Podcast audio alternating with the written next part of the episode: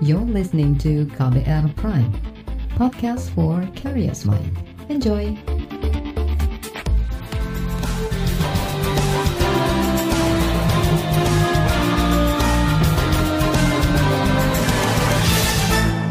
Halo saudara, senang sekali kami bisa menyapa Anda kembali dalam program KBR Sore, edisi Jumat 19 Februari 2021.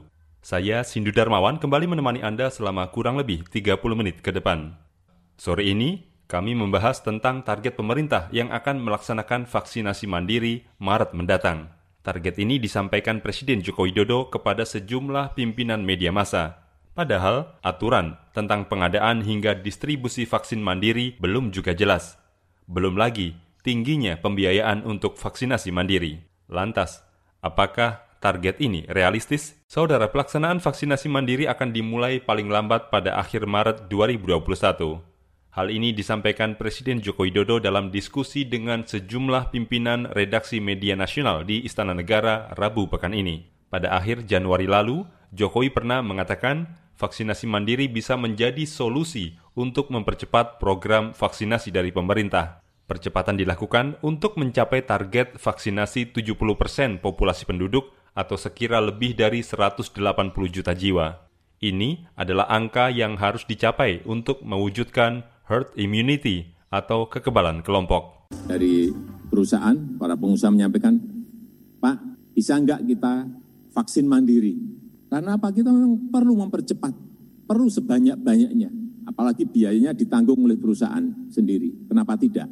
Tetapi sekali lagi harus kita kelola isu ini dengan baik. Namun beberapa hari jelang Maret 2021, pemerintah masih belum mengeluarkan regulasi terkait vaksinasi mandiri. Juru bicara vaksinasi COVID-19 Siti Nadia Tarmizi menyebut, aturan soal vaksinasi mandiri sedang diproses. Oh iya, pasti akan ada Permenkes baru. Regulasinya akan keluar, ya kan? Tetapi eh, tidak ada, ya kita sedang dalam proses lah untuk penyusunan regulasi ya. E, kalau mengenai waktunya ya ditunggu aja karena kita belum punya e, waktu kapan pastinya seperti itu. Meski begitu, sudah ada sejumlah petunjuk yang akan diterapkan dalam program vaksinasi mandiri. Petunjuk itu ditetapkan untuk mencegah beredarnya vaksin palsu serta soal distribusi tunggal vaksinasi mandiri. Nah, memang ada, ada beberapa rambu-rambu kan ya, seperti juga disampaikan oleh Pak Presiden misalnya nanti sesuai dengan masukan KPK bahwa importirnya sebaiknya satu saja gitu. Jadi tidak ada dua importir ya. Jadi kemungkinan besar Bio Farma yang akan melakukan importasi begitu.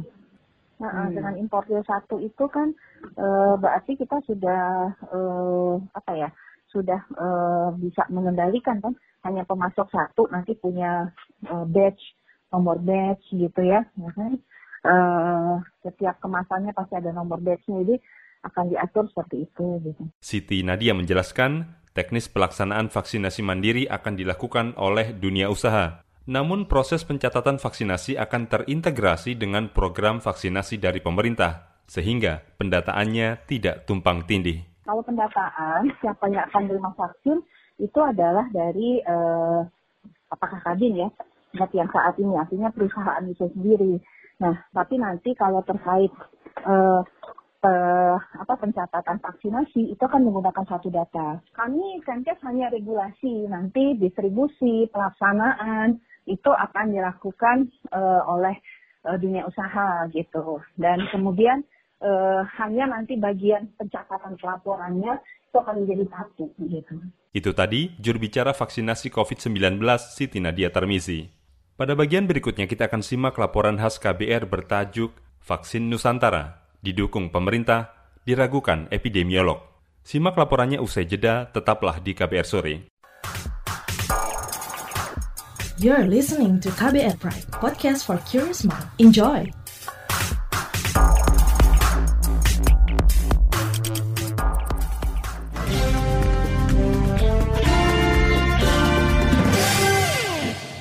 Saudara, selain vaksin yang tengah diproduksi oleh Bio Farma dan vaksin merah putih yang sedang dalam tahap pengembangan, baru-baru ini muncul vaksin Nusantara yang diprakarsai ex-Menteri Kesehatan Terawan Agus Putranto. Namun vaksin yang akan masuk tahap uji klinis kedua ini menuai kritik lantaran dinilai tidak sesuai konsep epidemiologi.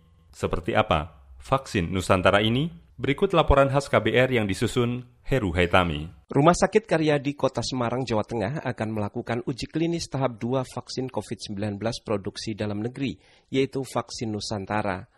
Vaksin Nusantara ini disebut diprakarsai oleh bekas Menteri Kesehatan Terawan Agus Putranto. Perwakilan tim peneliti Yeti Movita mengatakan vaksin Nusantara dikembangkan bersama Universitas Diponegoro dengan perusahaan asal Amerika Serikat Aivita Biomedical. Yeti mengklaim vaksin ini lebih aman lantaran menggunakan sampel dari dalam negeri. Ini buatan kita sendiri. 90% ya kitnya pengelolanya itu dari kita. Hanya memang antigen itu yang tadi kita rekombinannya kita masih e, disediakan kita bekerja sama dengan perusahaan kita dari Amerika. Tetapi pengelolaannya semuanya dari sini. Kemudian yang kedua harganya murah ya. Jadi kalau e, nanti diperkirakan kemarin dihitung-hitung sekitar 10 US dollar di bawah 200 ribu ya. Setara lah dengan vaksin-vaksin yang lain. Terus yang ketiga dia lebih aman gitu. Nah, amannya kenapa? Karena dia e, memakai dari kita sendiri gitu memakai darah pasien sendiri, kemudian uh, akan uh, memicu uh, tubuh sendiri untuk me menimbulkan kekebalan. Nah, lebih aman karena tentu karena tidak ada tambahan bahan-bahan ajuvan. Peneliti vaksin Nusantara Yeti Movita mengungkapkan pengembangan vaksin Nusantara telah dilakukan sejak Desember tahun lalu.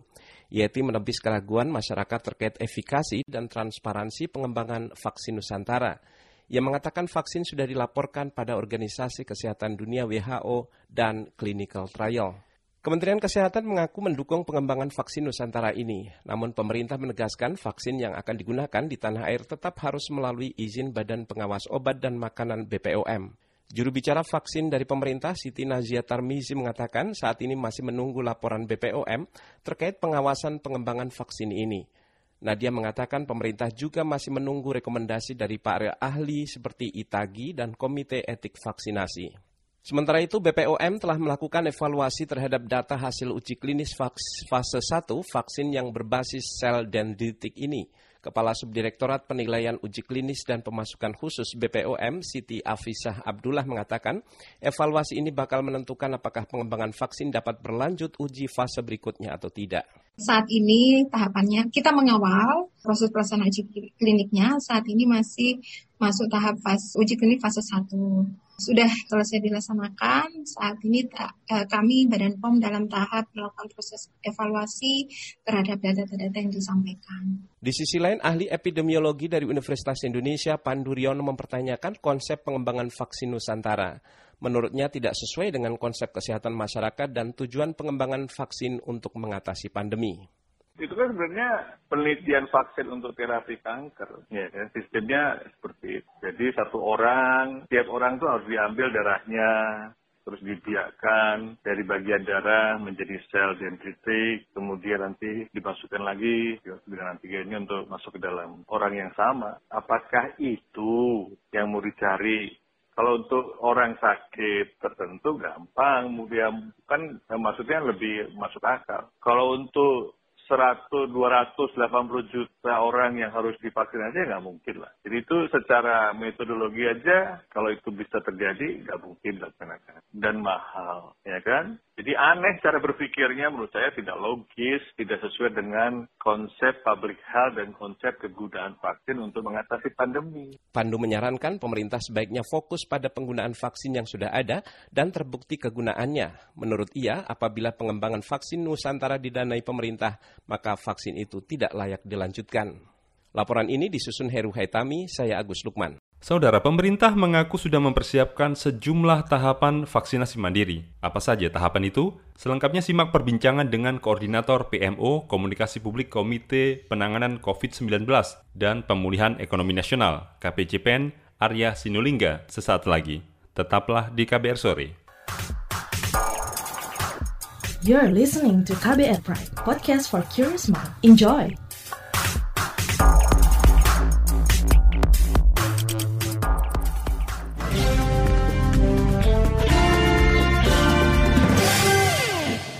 Terima kasih Anda masih bersama kami di KBR Sore. Saudara, pemerintah mengklaim vaksinasi mandiri tidak akan berbenturan dengan vaksinasi gratis yang dilakukan pemerintah. Lantas, apa jaminan pemerintah atas klaim tersebut? Selengkapnya kita simak wawancara Koordinator PMO Komunikasi Publik Komite Penanganan COVID-19 dan Pemulihan Ekonomi Nasional KPCPN Arya Sinulinga dengan jurnalis KBR Reski Novianto. Pak Arya Sinulinga, apakah nantinya jenis vaksin mandiri atau gotong royong akan berbeda dengan vaksin gratis dari pemerintah? Apa alasannya dan apakah hal itu sudah disepakati? Ya, berbeda. Itu itu yang disebut oleh kawan-kawan dari KPK ya, supaya tata kelolanya lebih baik. Jadi bisa jadi nggak sampai nanti vaksin yang gratis itu dipakai oleh uh, untuk vaksin gotong royong gitu. Berarti sudah disepakati ya Pak ya itu sebenarnya? Iya, iya, iya. Menurut Anda, manakah perusahaan BUMN yang akan ditunjuk pemerintah untuk melakukan pengadaan vaksin mandiri atau gotong royong ini? Ya, kan selama ini kan yang bikin vaksin kan, yang pengadaan vaksinnya kan Bio Farma Group ya. Baik itu Bio Farma mau bisa Indo Farma gitu ya. Itu kan uh, tergantung lagi kan Pak Menkes ngomong seperti itu ya kita tunggu aja. Hmm. Bagaimana nantinya? Bagaimana nantinya regulasi terkait vaksin mandiri atau gotong royong ini disusun? Dan kapan akan keluar? Mengingat Presiden Jokowi mengatakan Maret akan dimulai. Uh, itu ini ditunggu aja nanti. Kan regulasinya belum keluar mas. Hmm. itu baru gambaran-gambaran aja ya. Nanti akan di regulasinya baru jelas semua. Pak Jokowi bilang Maret ya Pak? Ya mudah-mudahan. Dalam waktu dekat ini udah keluar lah ya. Lagi digodok lah materinya eh, materi regulasinya apakah nanti tidak akan terjadi kekhawatiran tumpang tindih pemberian vaksin terkait rencana vaksin mandiri atau gotong royong ini tumpang tindih sih nggak akan terjadi ya. Hmm. Kan datanya ada. Datanya ada mas. Kan kita kan bayar semua. Jadi nanti hmm. siapa yang sudah dapat vaksin kan uh, uh, udah terdata. Misalnya dari vaksin gotong royong misalnya. Untuk buruh ya. Hmm. Kan untuk karyawan mas. Untuk buruh-buruh itu ya. Uh, ya itu kan bisa ini bisa apa namanya bisa terdata nama-nama siapa aja mereka. Ini akan ada tumpang tindih. Saudara, ribuan perusahaan telah mendaftar program vaksinasi mandiri, padahal regulasi soal vaksinasi mandiri masih belum keluar. Lantas apa respons para pengusaha? Simak perbincangan dengan Wakil Ketua Umum Kamar Dagang dan Industri Kadin Indonesia, Bidang Hubungan Internasional, Sinta Wijaya Kamdani. Sesaat lagi, tetaplah di KBR Sore. You're listening to KBR Pride, podcast for curious mind. Enjoy!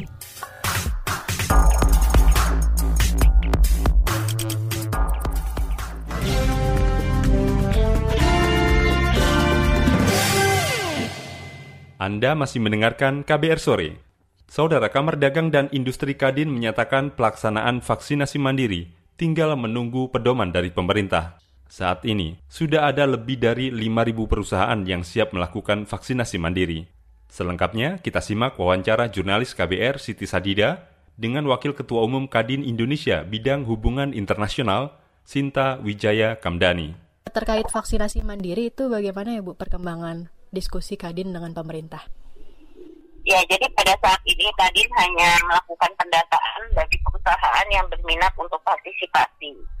Jadi kita mendata jumlah karyawan maupun uh, kalau karyawan mau mengikut sertakan anggota keluarganya sesuai dengan uh, kebijakan. Jadi kalau perusahaannya mau mau biayai karyawan dan keluarganya juga dipersilahkan gitu. Jadi ini semua vaksin ini akan diberikan gratis kepada karyawan oleh perusahaannya. Jadi yang bertanggung jawab adalah perusahaannya. Nah saat ini kita menunggu peraturan pelaksanaan dari pemerintah dari Kemenkes. Kemarin itu kan Perpres 14 sudah keluar dari Presiden. Nah e, kemudian sekarang kita menunggu aturan pelaksanaan vaksinasi gotong royong ini dari e, Kemenkes. Kalau nggak salah tuh mulainya kan Maret ya Bu ya. Nah aturannya itu diperkirakan nantinya akan diharapkan akan keluar kapan ya Bu? Kami sih uh, harapkan segera ya. Jadi dalam beberapa ini ya kita kan ini udah kalau uh, bulan September ini kan udah minggu ke hampir minggu ketiga. Jadi ya semoga dalam waktu dekat ini. Jadi pedoman itu penting untuk mengetahui pertama jenis vaksin apa. kemudian uh, apa harganya, kemudian dari segi uh, nanti distribusinya seperti apa, ya kan? Jadi semua peraturan pelaksanaannya harus, harus ada kan kami belum belum tahu saat ini. Kami serahkan sepenuhnya kepada pemerintah untuk memutuskan. Kami tahu bahwa ini tidak bisa sama dengan yang yang gratis, yang Sinovac. Jadi kami menunggu keputusan dari pemerintah saja yang mana yang mau di, diberikan kepada kami. Yang tadi soal pendataan itu berapa jumlah perusahaan yang kira-kira akan ikut vaksinasi mandiri? Karena kan mungkin ya. ada sortir mana Jadi, perusahaan yang tidak ya. bisa gitu tahap pertama tahap pertama ini yang sudah daftar sampai hari ini uh, sekitar 5.700 perusahaan. Jadi ya kami akan ya hari ini akan tahap pertamanya akan nanti mungkin uh, minggu ini akan ditutup dulu. Jadi nanti kita lihat hasilnya berapa. Jadi prinsipnya ini uh, antusiasmenya sih sangat tinggi ya karena perusahaan mau membantu lah paling tidak meringankan juga beban dari pemerintah. Makanya perusahaan banyak yang minat untuk untuk juga uh, supaya mempercepat prosesnya ya gitu supaya kita juga bisa bantu dari segi bagaimana ini bisa berjalan bersamaan dengan vaksinasi uh, yang sekarang sudah dilakukan pemerintah supaya bisa dipercepat. Untuk tahap ke satu ini berarti nanti ada berapa tahap Bu kira-kira? Kami belum tahu karena kami mau nunggu dulu uh, setelah tahap pertama. Pertama nih kami mau evaluasi dulu menunggu aturan pemerintahnya. Nanti kalau aturan pemerintah sudah keluar sudah jelas ya baru kami lihat apakah perlu dibuka untuk uh, pendaftaran lagi pendataan lah kami mengatakan pendataan. Uh, saya konfirmasi lagi Bu, artinya jika uh, masyarakat dari perusahaan sudah mendapatkan vaksinasi mandiri, berarti nanti akan otomatis dari pemerintah tidak akan mendapatkan yang lain gitu Bu ya? Semua anggota masyarakat hanya bisa mendapatkan satu kali vaksinasi ya. Jadi maksudnya uh, satu kali itu dia nggak uh, bisa dibagikan berkali-kali kan gitu. Jadi saat ini kan kewajiban pemerintah kan memberikan kepada setiap anggota masyarakatnya. Jadi kalau nanti anggota masyarakat tersebut sudah sudah mendapatkan dari pemerintah yang yang dihabis saat ini ya tentu saja tidak perlu lagi untuk ikut vaksinasi yang mandiri dari perusahaan gitu loh. Jadi uh, tergantung ya. Nah ini menurut kami makanya kenapa yang paling penting kan data. Data kan semua dipegang pemerintah. Jadi nanti pemerintah yang sudah ada verifikasi yang mana sudah divaksin ya nggak akan diberikan vaksin lagi begitu. Artinya nanti data dari Kadin pun akan terintegrasi dengan data Kemenkes semua, ya? Semua, Jadi kami mendapatkan semua format semua dari pemerintah. Jadi kami ini hanya fasilitasi supaya perusahaan bisa lebih mudah mendata melalui kami. Tapi nanti semua dipegang oleh pemerintah pendataan. Itu tadi Wakil Ketua Umum Kadin Indonesia Bidang Hubungan Internasional, Sinta Wijaya Kamdani. Saudara, rencana vaksinasi mandiri ini diapresiasi pengamat kebijakan publik dari Universitas Indonesia, Agus Pambagio. Ia sepakat vaksinasi mandiri bisa mempercepat kekebalan kelompok. Namun Agus mewanti-wanti agar pengawasan dijalankan secara ketat oleh Badan Pengawas Obat dan Makanan BPOM serta Kementerian Kesehatan. Sementara itu, pengamat kebijakan publik dari Universitas Trisakti Trubus Rahadiansyah menilai program vaksinasi mandiri rawan potensi penyalahgunaan dan penyimpangan. Ia khawatir vaksinasi mandiri malah dikomersialisasikan oleh pengusaha. Trubus meminta pemerintah membuat payung hukum mengenai sanksi bagi pengusaha yang menyalahgunakan program vaksinasi mandiri. Saudara, informasi tadi mengakhiri perjumpaan kita di program KBR Sore edisi Jumat 19 Februari 2021. Pantau selalu informasi terbaru melalui situs kbr.id, Twitter kami di akun @beritaKBR, serta podcast di alamat kbrprime.id.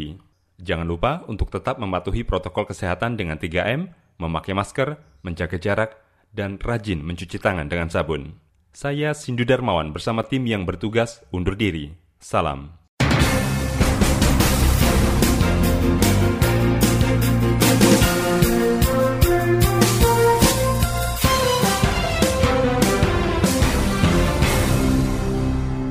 KBR Prime, cara asik mendengar berita. KBR Prime podcast for curious mind.